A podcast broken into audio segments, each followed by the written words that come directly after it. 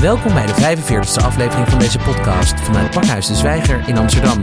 Mijn naam is Maurice Leki en ik spreek met Sada Norhussen, hoofdredacteur van One World. Op maandag 30 september is het te zien in Pakhuis de Zwijger voor de tweede editie van de One World Live-serie tijdens het programma Aandeelhouder Aarde. Beste Sada, welkom. Uh, dankjewel. Uh, je bent hoofdredacteur van One World. Ja. Uh, jullie zijn een journalistiek platform voor een eerlijke en duurzame wereld. Wat houdt dat precies in? Uh, wat houdt dat in? Ik denk dat, nou, dit is een, een natuurlijk een, wat ze noemen een payoff. Dat is onze, zeg maar onze slogan, onze titel. Um, in het kort zou je kunnen zeggen dat de grote paraplu die boven al onze producties hangt, is het onderwerp rechtvaardigheid. Dus um, een eerlijke duurzame wereld, daarin hebben we samengevat onze hoofdthema's. Dat is namelijk duurzaamheid, uh, maar ook mensenrechten en identiteit. Dus om te kunnen zijn wie je bent, uh, om te kunnen doen wat je wil en om te kunnen leven in een gezonde en, en, uh, en schone wereld. Dus dat zijn eigenlijk de, de, de hoofdthema's. En daaronder hebben wij weer wat specifiekere thema's die gaan over nou ja, feminisme, gender, seksuele vrijheid, migratie. Zo kan, zou je al die, die onderwerpen kunnen uitsplitsen. Je bent sinds februari 2018 de hoofdredacteur. Ja. Je hebt daarvoor al een hele lange journalistieke loopbaan. Je hebt op de cultuurredactie van Elsevier gewerkt. Je hebt bij de Volkskrant gewerkt. Je hebt twaalf uh, jaar bij, bij Trouw gewerkt als uh, buitenlandredacteur, als Afrika-verslaggever en ook als columnist. Ja. Um, maar dus nu sinds februari 2018 hoofdredacteur van One World. Ja. Um, wat, is jouw, wat zie jij als jouw persoonlijke missie als hoofdredacteur? Als mijn persoonlijke missie uh, zie ik dat ik uh, wel iets uh, van verandering teweeg wil brengen. Niet alleen bij One World, maar ook in het medialandschap. Um, ik vind het Nederlandse medialandschap heel erg vastgeroest. Um, als je kijkt naar hoe het eruit zag toen ik begon, of toen ik nog studeerde, toen ik school van journalistiek deed, wat echt wel best wel lang geleden is. Maak jezelf niet ouder dan je bent, hè? nee, maar toch wel twintig jaar geleden, zeg maar. Uh, als het niet meer is. Um, er is niet zoveel veranderd. Dezelfde mensen zitten op dezelfde plekken. Uh, dezelfde onderwerpen passeren de revue. Uh, het is misschien, het Nederlandschap is wat verhard, zou je kunnen zeggen. In die zin dat de debatcultuur heel erg is gaan domineren. Sommige mensen noemen dat polarisatie, maar ik vind het eerlijk gezegd een beetje een misbruikt woord. Ik vind, het, het, gaat mij meer om, om, om de debat om het debat. Dat is, dat is heel veel aan de gang in de journalistiek en dat is, dat is steeds meer het model geworden. als voorbeeld is het wel interessant. dit was naar aanleiding van het nieuws van, van Nieuwsuur en um, Over de salafistische scholen? Precies. En we hadden van de week een... Um, of nee, van het weekend een productie van onze chef online, Esther Samuel. Die had een persoonlijk verhaal geschreven over haar tijd, haar, haar, jeugd in, een, in een christelijke omgeving. Zij zei toen in onze redactievergadering van, ja, ik vind het een beetje, ik verbaas me eigenlijk over de, dat was echt een, een, zeg maar oprechte verbazing van haar. Ik verbaas me over de ophef daaromheen, want als je uit een religieuze omgeving komt, zijn dit de boodschappen die je krijgt. Of dat nou, uh, maar dat is niet alleen maar in, in de islam zo, dat is, uh, of, of bij, bij islamitische uh, omgevingen, dat is ook zo in het christendom. Dus, Bijvoorbeeld de ongelijkheid tussen man en vrouw, de houding tegenover homoseksuelen, um, die, dat soort boodschappen bedoel je? Nou ja, ze bedoelde meer van niet zo, ja, en dan bedoelde ze het meer vanuit uh, de leer, vanuit de lessen die je krijgt. Ze had het niet over de religie als geheel en ook niet over de waarde van geloof, maar ze had meer zoiets van: dit is um, uh, ik denk dat, dat heel veel mensen niet weten wat er gebeurt in religieuze uh, gemeenschappen. Um, en dat was ook niet vanuit een oordeel of iets dergelijks, maar meer van: ik vind het zo gek dat mensen daar totaal niet van op de hoogte zijn. Als je uit die wereld komt, is dit eigenlijk vrij herkenbaar. Um, en toen wilden we dat eigenlijk iemand anders vragen om dat te schrijven. En toen zei, toen, maar toen bleek dat, dat daar. Zei ik: volgens mij moet je het zelf schrijven vond ze eerst wel, wel spannend, omdat het natuurlijk ook wel een persoonlijk verhaal is. Maar het is volgens mij een heel, heel eerlijk en, en uh, eigenlijk onbevooroordeeld verhaal geworden.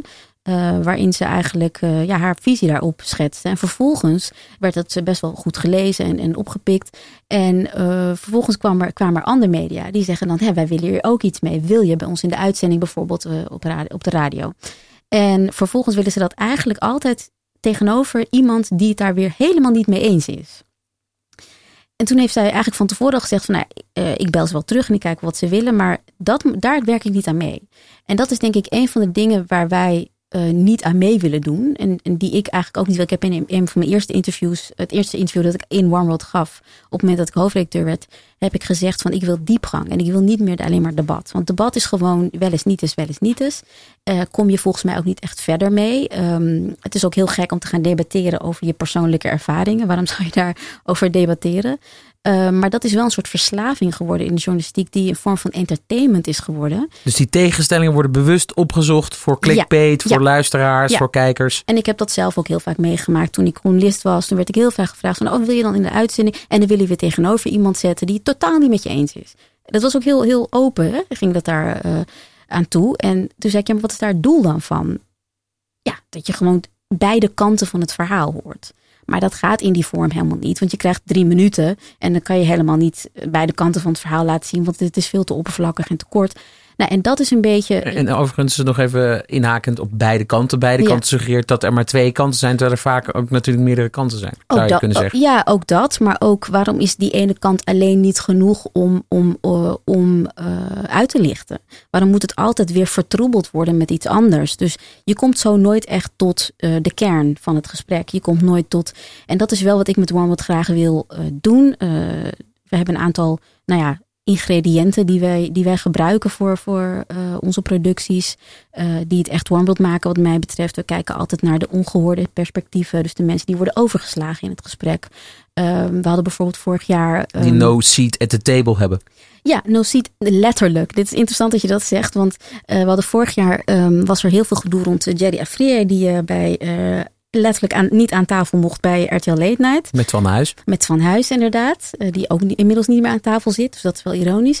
Um, maar um, uh, er was toen heel veel hijsen over. Heel veel, uh, heel veel artikelen aangeweid. heel veel, um, nou ja, goed, een, ho een, hoop ophef. Jullie hebben toen ook een, vanuit Pakhuis een mooie, mooie brief ter ondersteuning geschreven.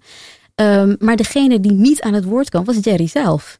Het enige wat wij gedaan hebben is hem gevraagd: wil jij jouw kant van het verhaal vertellen? Uh, puur op die avond. Hè? Gewoon, hoe, wat is daar toen gebeurd? En daar was verder niemand opgekomen. Dat is ons best gelezen stuk van het jaar uh, geworden. Het echt viral is gegaan. Dus het is ook gewoon een kwestie van gewoon doen wat niemand doet, zeg maar. En dat zijn soms de meest simpele dingen. Uh, maar dat heeft wel te maken met inclusiviteit. Het heeft te maken met naar wie kijk je? Wie krijgt een podium? Wie, wie is belangrijk in dit verhaal? En heel vaak vind ik dat in de traditionele aanpak of de mainstream aanpak, de mensen die ik hoor, die vind ik helemaal niet altijd de meest interessante stemmen. Vind ik ook niet altijd de meest belangrijke stemmen. Omdat de samenleving heeft besloten dat dat zo is, wilde ook niet zeggen dat, het ook zo, dat, het, dat ze het ook echt zijn. Dus um, ja, en we kijken ook heel vaak naar uh, bijvoorbeeld het gekantelde narratief. Draai het verhaal is om. Hè? Uh, bijvoorbeeld uh, ja, vleesvervangers, heel goed initiatief, maar uh, blijkt dat er heel veel dierlijke producten in zitten. Alsnog, zuivel en dat soort dingen. Dus wat heb je er nou eigenlijk mee gewonnen? Uh, nou goed, dat zijn altijd van de manieren waarop wij ook uh, ja, naar het, het do, dominante nieuws kijken. En daar hun, onze eigen slag in maken. Binnenkort hebben we trouwens een programma en dat heet Wie bepaalt het gesprek? Um, jij geeft hier nu aan van, nou ja, het gaat er heel erg om van wie laten we aan het woord. Ja. Maar aan de achterkant, degene die dat mag bepalen, of uh, ja, daar zeg je net van, ja, dat zijn eigenlijk al twintig jaar zo'n beetje dezelfde mensen, die dus achter de knoppen zitten. Absoluut. Ja. Heb, heb, je daar ook een verklaring voor? Want jullie hebben niet heel lang geleden ook een artikel geschreven waarin jullie een soort onderzoek hebben gedaan bij verschillende mediaredacties. Uh, waaruit dan blijkt dat veel van die redacties alsnog uh, een, een, vrij uniforme en homogene groep zijn. Ja. Dus hoogopgeleid, wit, grootstedelijk. Ja. Um, ja, ja, en dat reproduceert zichzelf eigenlijk en, en, al de hele tijd. En ik, kijk, het is ergens ook niet zo gek. Hè? Kijk, als er. Um, je kunt niet verandering um, uh, teweeg brengen als de mensen die je, uh, die je aanneemt, die voor die verandering zouden moeten zorgen, op een positie zitten waarin ze niks te zeggen hebben. Dus dan gaat er niet, niks gebeuren. Dan, heb je, dan is er sprake van tokenisme. Dan is het gewoon, ja, we moeten een plaatje invullen of, een, of een, aan quota voldoen of wat ik veel. Tokenisme nog eventjes voor de mensen die dat niet weten wat het is? Mm, ja, tokenisme is dat je dus eigenlijk uh, dat, dat je mensen uit gemarginaliseerde groepen bijvoorbeeld uh, gebruikt uh, om aan te tonen dat je progressief bezig bent. Um, dus dan ben je een token. Een token is eigenlijk ja, een, een, iemand die ergens in, een pion of zo, die ergens in gebruikt wordt. Was jij een token bij trouw? Uh, dat moet je aan trouw vragen, denk ik. Voor mezelf. Hè? Ik heb me denk ik niet als token laten inzetten, als dat in ieder geval ergens de bedoeling was. Uh, ik heb niet het idee dat ik om die reden ben, ben aangenomen. Maar goed, dat zal iedereen misschien over zichzelf zeggen. I don't know. Misschien dat ik toen in die positie wel een soort token werd. Dat kan, hè? Maar ik was denk ik wel een token waar niet echt meer grip op was. Dus um, ik heb dat, dat platform gewoon gebruikt zoals ik dat uh, belangrijk vond op dat moment. En ik ben ook weer mee gestopt op het moment dat ik het niet meer belangrijk vond, omdat het voor mij niet meer, uh, niet meer iets bracht. Ik heb uh, bij Trouw echt een fantastische tijd gehad. Ik heb daar geweldige dingen mogen doen. of eigenlijk mogen doen klinkt een beetje alsof ik daar heel dankbaar voor was. Maar ik heb daar gewoon alles uitgehaald wat ik, wat ik wilde. Um, en uh, mooie producties, reizen. Uh, nou goed, ik kan het iedereen. En een column, ja. En een column op het dus laatste. Je hebt ook echt ook een podium gekregen. Ja, maar dat podium heb ik ook wel een beetje afgedwongen hoor, eerlijk gezegd. Want dat um, niet in die zin dat ik een column, column wilde, daar was ik helemaal niet op uit. Maar uh, ik, ik, ik, raakte verwikkeld in dat debat over, over racisme en over beeldvorming van Afrika en meer van dat soort zaken. En dat had deels ook gewoon te maken met mijn, ja, je hebt jaren ervaring. Op een gegeven moment ga je dingen zien en, en dan wil je daar ook wat van, wat over kwijt. Dus op een gegeven moment werd social media werd dat kanaal en dat, dat, dat, dat woekerde een beetje voort. En vervolgens ja, was het ook, denk ik, vertrouwen een beetje raar dat ik dat niet gewoon in de krant deed. Dus uh, het was een beetje een uh, oorzaak-gevolg uh, ding. Ja. Um, waarin, want je hebt nu eigenlijk een aantal dingen beschreven, zeg maar, waarin uh, One World zich onderscheidt van andere media. Dus een mm -hmm. aantal toch echt redactionele en hoofdredactionele keuzes ja. uh, die jullie uh, daarin maken. hebben jullie ook een, een, hele andere werkwijze in vergelijking met, met de reguliere media? Ja, ik denk het wel. Want uh, ik denk dat wij, um, waar, waar andere media misschien bijvoorbeeld, wij doen niet aan ingezonden brieven, dat hebben we niet. Maar als iemand bijvoorbeeld kritiek heeft op iets wat wij doen, dan nodigen we die persoon uit om, uh, om daar zelf over te schrijven. Dus niet in de vorm van een ingezonden brief, niet in een vorm van een beklag, of, uh, maar om daar dus een journalistieke productie van te maken. En dat doen we dan samen. Dus we helpen iemand ook. En we zeggen ook van, nou, wat zou je, waar zou je op willen focussen? Wat vind je interessant? Ik denk dat dat ook heel anders is qua werkwijze. De meeste media zijn totaal niet geïnteresseerd. Ja, nee, dat is wat hard om te zeggen. Maar de meeste media vinden kritiek van buitenaf best eng. Kijk, wij zijn heel goed in kritiek leveren op uh, macht, op. Uh, althans, dat is de bedoeling. maar uh, we zijn heel goed in, in, in kritische vragen stellen naar buiten toe. Maar naar, onze, naar onszelf en onze eigen sector en wat we zelf doen. En ook de macht die we hebben als media. Dat is niet zo. Definitiemacht? Makkelijk. Ja, ja. Ja. Een beetje academische term, ja, maar uh, ja. ook daar hebben we dus uh, een avond over. Dat avond, de avond over. Uh, wie bepaalt het gesprek? Taal, ja, ja. ja. Um, overigens is het zo dat je nu aangeeft, nou ja, we kunnen dus zo'n criticaster een, een, een plek aanbieden om een, een, een, ja, daar een journalistieke productie over te maken. Maar zouden je dat dus bijvoorbeeld ook doen met, laten we zeggen, omstreden figuren of politici bijvoorbeeld waar jullie het niet mee eens zijn of nee. bedrijven waar jullie het niet mee eens zijn? Uh, nee, kijk, hoor wederhoor is gewoon een normaal journalistiek principe. Dat, dat, dat uh, passen wij toe. Maar um, kijk, wij, sowieso bieden wij politici niet echt een platform. We, wij schrijven eigenlijk niet over specifieke politieke partijen.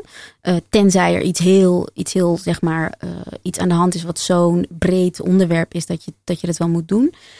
maar wij bieden ook politici, dus wij doen ook niet interviews met politici in het algemeen. Kijk, ik heb wel een groot interview met Sylvana gedaan, bijvoorbeeld. Sylvana, Sylvana Simons. Simons van, B1 van, van in Amsterdam. Precies. Um, dat, uh, en dat was, uh, maar dat was meer omdat zij uh, natuurlijk een uniek geval was in die zin dat ze, um, er was zoveel media-aandacht om haar heen. En ook om het te hebben over de term intersectionele politiek. Wat houdt dat nou in? En een jaar na dato, nadat je bent verkozen, hoe, hè, hoe, hoe, realiseer je dat? Wat, is dan, wat houdt het in op een dagelijkse basis? Nog even een, een one-liner, uh, intersectionele politiek. Wat houdt het dan in? Ja, Eén zin? ja, dat is denk ik politiek die, die uh, opereert op de kruispunten van belangrijke uh, thema's en op de kruispunten van onrecht. Dat is een beetje hoe je het kort zou kunnen samenvatten. Dus bijvoorbeeld dat, dat wat, heeft, wat heeft klimaatverandering te maken met racisme? Wat heeft vrouwenondrukking te maken met migratie? Nou ja, hoe maak je daar politiek op eigenlijk? En dat was binnen een thema over intersectionaliteit. Um, dus uh, dat was ingebed uh, ergens in. Maar over het algemeen, als je zegt van ja, nodig je ook. Kijk, dat is dus, dan kom je weer op het terrein van debat. Dus we gaan niet politici uitnodigen. Zeg, wat vind je hier? Dus dat is echt de traditionele vorm die wij niet uh, verkiezen. Dus wat dat betreft kiezen jullie toch meer voor de vorm van dialoog in plaats van debat? Ja, dialoog, maar vooral ook, kijk, dialoog is heel, dat vind ik ook een beetje moeilijk. Of gesprek misschien, want dat is ja, meer gesprek. Ja, we hebben bijvoorbeeld net vandaag het huidige nummer, of het, het, komende nummer afgerond, een magazine, het papieren magazine dat we maandelijks hebben. Um, dat gaat over dieren. Uh, hoe wij met dieren omgaan, wat onze verhouding tot dieren is. En daar hebben we bijvoorbeeld een, een dubbel gesprek tussen een een uh, dierentuin, uh, hoofdafde, uh, hoofdeducatie bij een dierentuin en een dierenactivist. Dus over de vraag, kunnen dierentuinen nog? Hè? Is dat een concept dat we nog moeten willen in 2019, nee, 2020? Um, en dat is een heel beschaafd gesprek tussen twee mensen die eigenlijk gepassioneerd zijn over dieren. Maar die totaal anders denken. Um, maar dat is wel op een manier ingericht dat het niet gaat om, nou, even lekker laten knetteren en uh, weet je wel, hopen dat, er, dat, dat ze flink uit de bocht vliegen. Nee, we willen dieper op de materie ingaan. Je wilt begrijpen. Dus het is een, een, een gesprek met een hoog informatiegehalte. En um, dat je begrijpt wat er in die twee werelden speelt, maar wat ze ook eventueel samen zouden kunnen bewerkstelligen. Dus het, is, het idee is dus niet, kijk, het klinkt ook een beetje halleluja om te zeggen van dialoog en bruggen bouwen en gezellig. Kijk, dat is het niet. Wij gaan wel op het scherpst van de snede, maar um, uh, het moet niet uh, gaan om, het, om effectbejag. Het gaat veel meer om, het moet iets toevoegen aan de informatie. Het moet iets toevoegen aan wat je nog niet wist. En, of, of wat je misschien al wist, maar dat je denkt, oh, maar dat element, dat, dat had ik nog niet door. Weet je wel? Dus het moet, het, moet, zeg maar, het moet je iets brengen. En anders dan, of het nou, uh, zeg maar, het moet je iets brengen of op kennisniveau, of op handelingsniveau, uh, of op, uh, ja, op gevoel. Zeg maar. We hebben een soort van interne formule, die klinkt een beetje zweverig, maar hart, hoofd, handen. Dus, dus, of hoofd, hart, handen bedoel ik. We moeten van boven beginnen natuurlijk. Lijkt een beetje op die triodos, triodos slogan. Ja, kijk, dat is niet iets wat we naar buiten toe communiceren hoor. Maar het is wel van, er komt informatie binnen. Kijk, heel vaak, mensen worden soms wel eens moedeloos hè, van wat ze allemaal lezen en horen. En, en dat, is, dat is ergens ook, uh, de realiteit is hard. Maar wij hopen wel dat mensen, nadat ze dingen van ons hebben gelezen, dat ze denken van, oh, zo kan ik het ook aanpakken. Of uh, met die, die, op die manier kan ik er ook naar kijken. Of dat zou ik eventueel, zou mijn aandeel kunnen zijn. Of, uh, hè, dus dat, het moet je ook niet oplossingen, daar zijn we natuurlijk niet voor, maar we zijn er wel voor om iets te openen, zeg maar, om zienswijze te openen of om. Uh, en dat allemaal natuurlijk onder het kader van, uh, in het kader van rechtvaardigheid en progressie. Het moet gaan om progressie. Dus je vroeg net over politici. Politici die, die, die verandering tegenhouden, die, die onderdrukking in stand houden, die krijgen geen podium bij ons. En ook anderen niet trouwens. Uh, brengt mij op de vraag van in hoeverre kan een journalistiek platform uh, een activistische agenda voeren. Ja, maar wij, wij zijn dus geen activisten. Echt niet. Nou, dus, kun je je voorstellen dat mensen dat denken? Ja, dat kan ik me voorstellen. Omdat Misschien ook door de focus ja. uh, die jullie hebben, die toch op een, nou, ja. Ja. een bepaalde, je zegt Klopt. progressie, rechtvaardige Klopt. wereld. Dat is natuurlijk wel, het zijn allemaal subjectieve begrippen. Klopt. Het is, uh, wij fijnsen ook geen neutraliteit. Dat zou niemand moeten doen. Dat zouden andere media ook niet moeten doen. El, elk, elke mediatitel heeft een signatuur, heeft keuzes gemaakt, allang vooraf, voor de lezer en uh, voor de kijker. De Telegraaf doet het ook. Ja, natuurlijk. Iedereen. El, alle, alle media hebben keuzes gemaakt, hebben al uh, hun neutraliteit verloren. Dus uh, daar moet zeker in Nederland eigenlijk met het, een soort verzuild systeem waarin natuurlijk ja. bijna alle omroepen zo'n beetje hun letterlijk uit een uh, politiek ideologische cel komen. Ja, dat is, dat is heel open. Maar vervolgens uh, ja, vind ik het toch een beetje huigelachtig om te doen alsof je dat, of dat allemaal geen rol speelt in alles wat je vervolgens gaat doen. Uh, dus wij zijn er open over. Wij zeggen: dit is de keus die wij maken. Dit is de richting waar, waar, waar wij op denken, waar we, waar we naartoe werken. En daarbinnen is er heel veel ruimte. En daarbinnen is er heel veel uh, gesprek. En, en, uh, maar eh, we hebben wel een keuze gemaakt. Dus wij gaan niet meer lopen zeveren over of klimaatverandering nou wel of niet bestaat. We gaan niet meer lopen zeveren over of racisme of nou wel of niet bestaat. Dat is gewoon een gegeven wat ons betreft. En daar moet je iets tegen doen. Dus dat is een heel andere benadering dan. Vindt u nou wel of niet dat er racisme is? Ja, nee, dat, dat is tijdverspilling wat ons betreft. Dus wij willen naar die verandering toe. Wij willen bijdragen, bijdragen aan verandering. Uh, we zeggen zeker niet dat wij de enige zijn. Je vroeg net over activisme.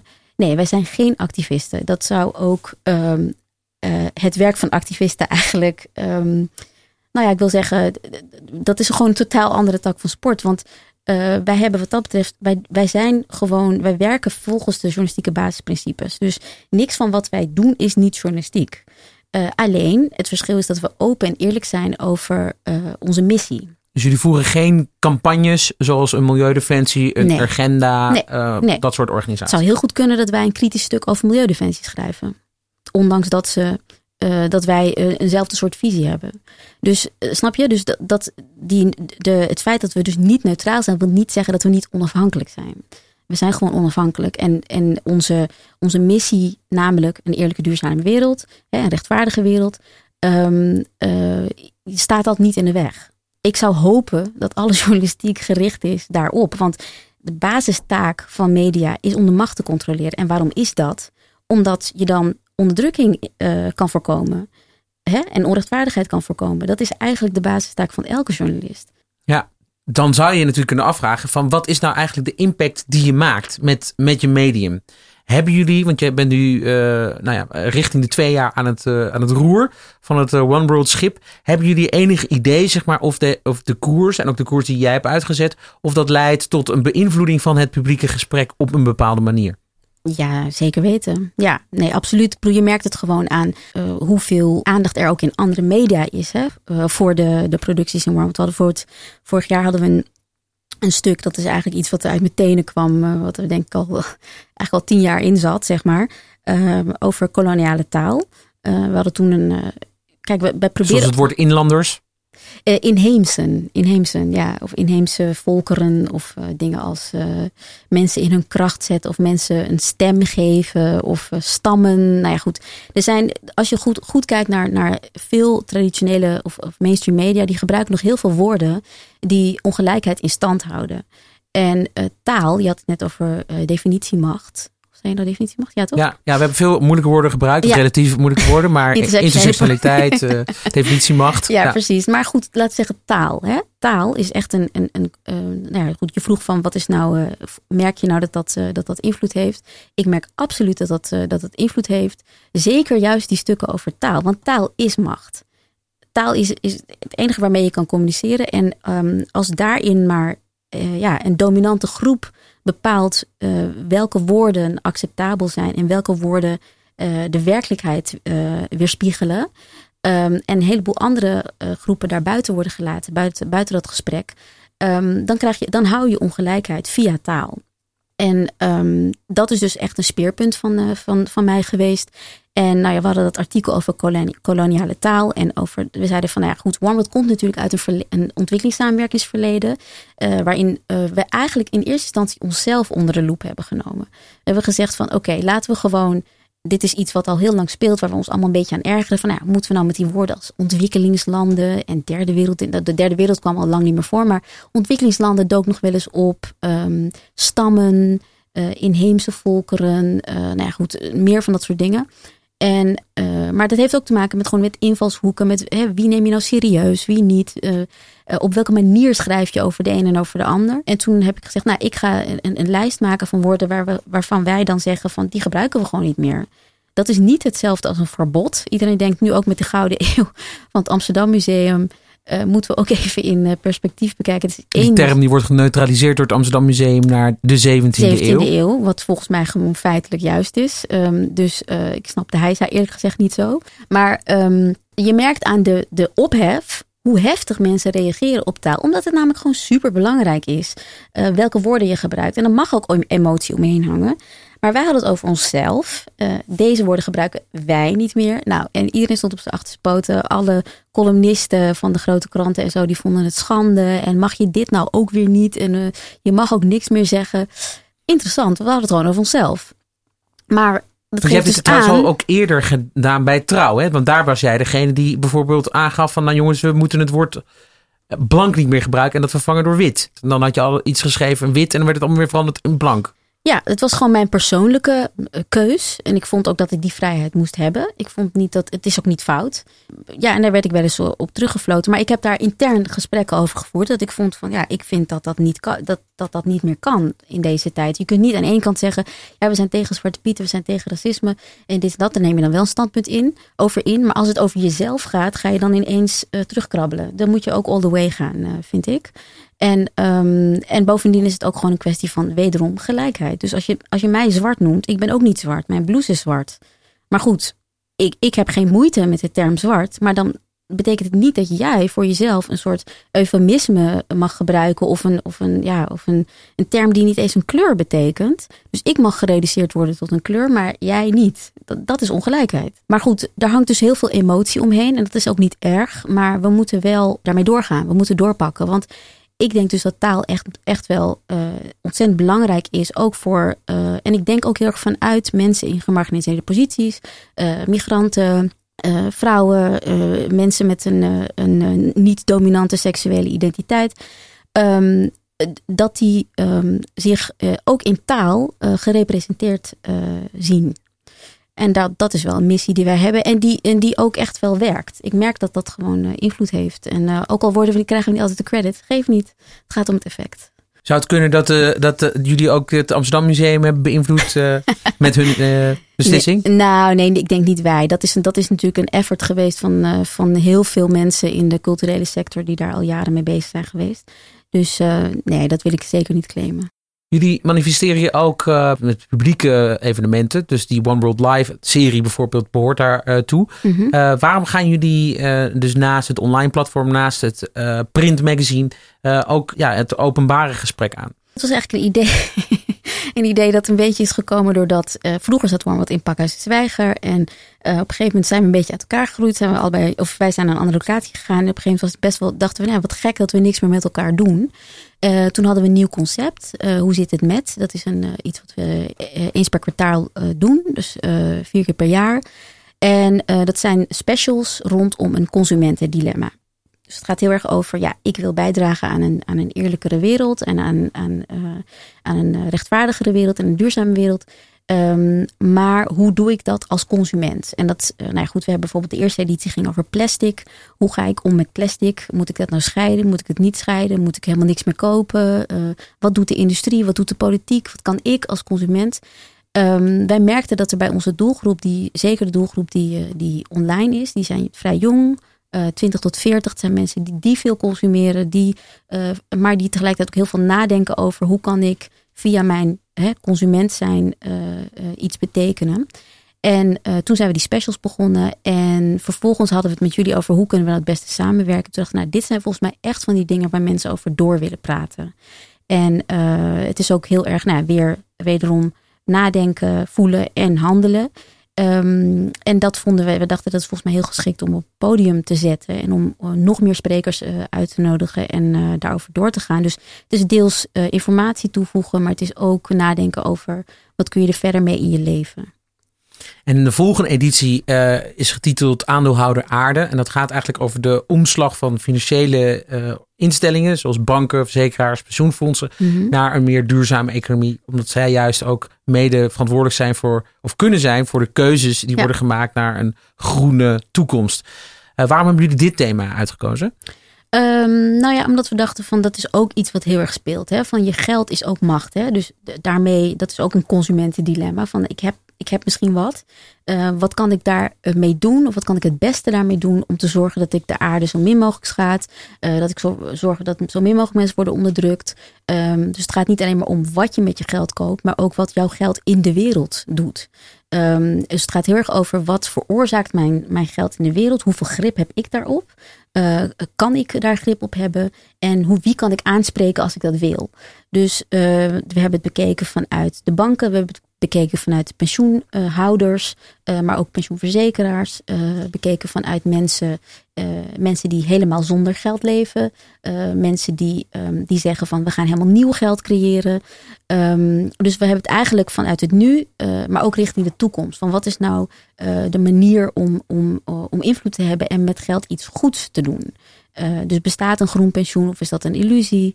Um, We hebben natuurlijk ook persoonlijke portretten van mensen. Uh, maar ook bijvoorbeeld een heel mooi verhaal van een, uh, een ambtenaar die op de achtergrond bezig is om de financiële wereld mee te trekken richting een circulaire economie. het is er, enerzijds is het ook heel logisch. Van op een gegeven moment raken bepaalde dingen gewoon op. Je, moet je moet ook gewoon slim investeren. Um, dus voor een deel is het ideaal en idealisme. En voor een deel is het ook gewoon logisch nadenken. Uh, maar we hebben ook nagedacht over wat als we nou gewoon al die rijkdom die we hebben, die, het geld wat er is, hè, dat is gewoon een afspraak natuurlijk. Hè. Je kan ook gewoon zeggen van we zetten de meter weer op nul. Iedereen bij nul. Jeff Bezos krijgt ook maar 1 euro. Iedereen krijgt van Amazon. Van Amazon, precies. Ik heb begrepen dat uh, Piketty, de, de rockster-econoom, dat hij nu met een boek komt waarin hij ongeveer zo'n soort pleidooi doet.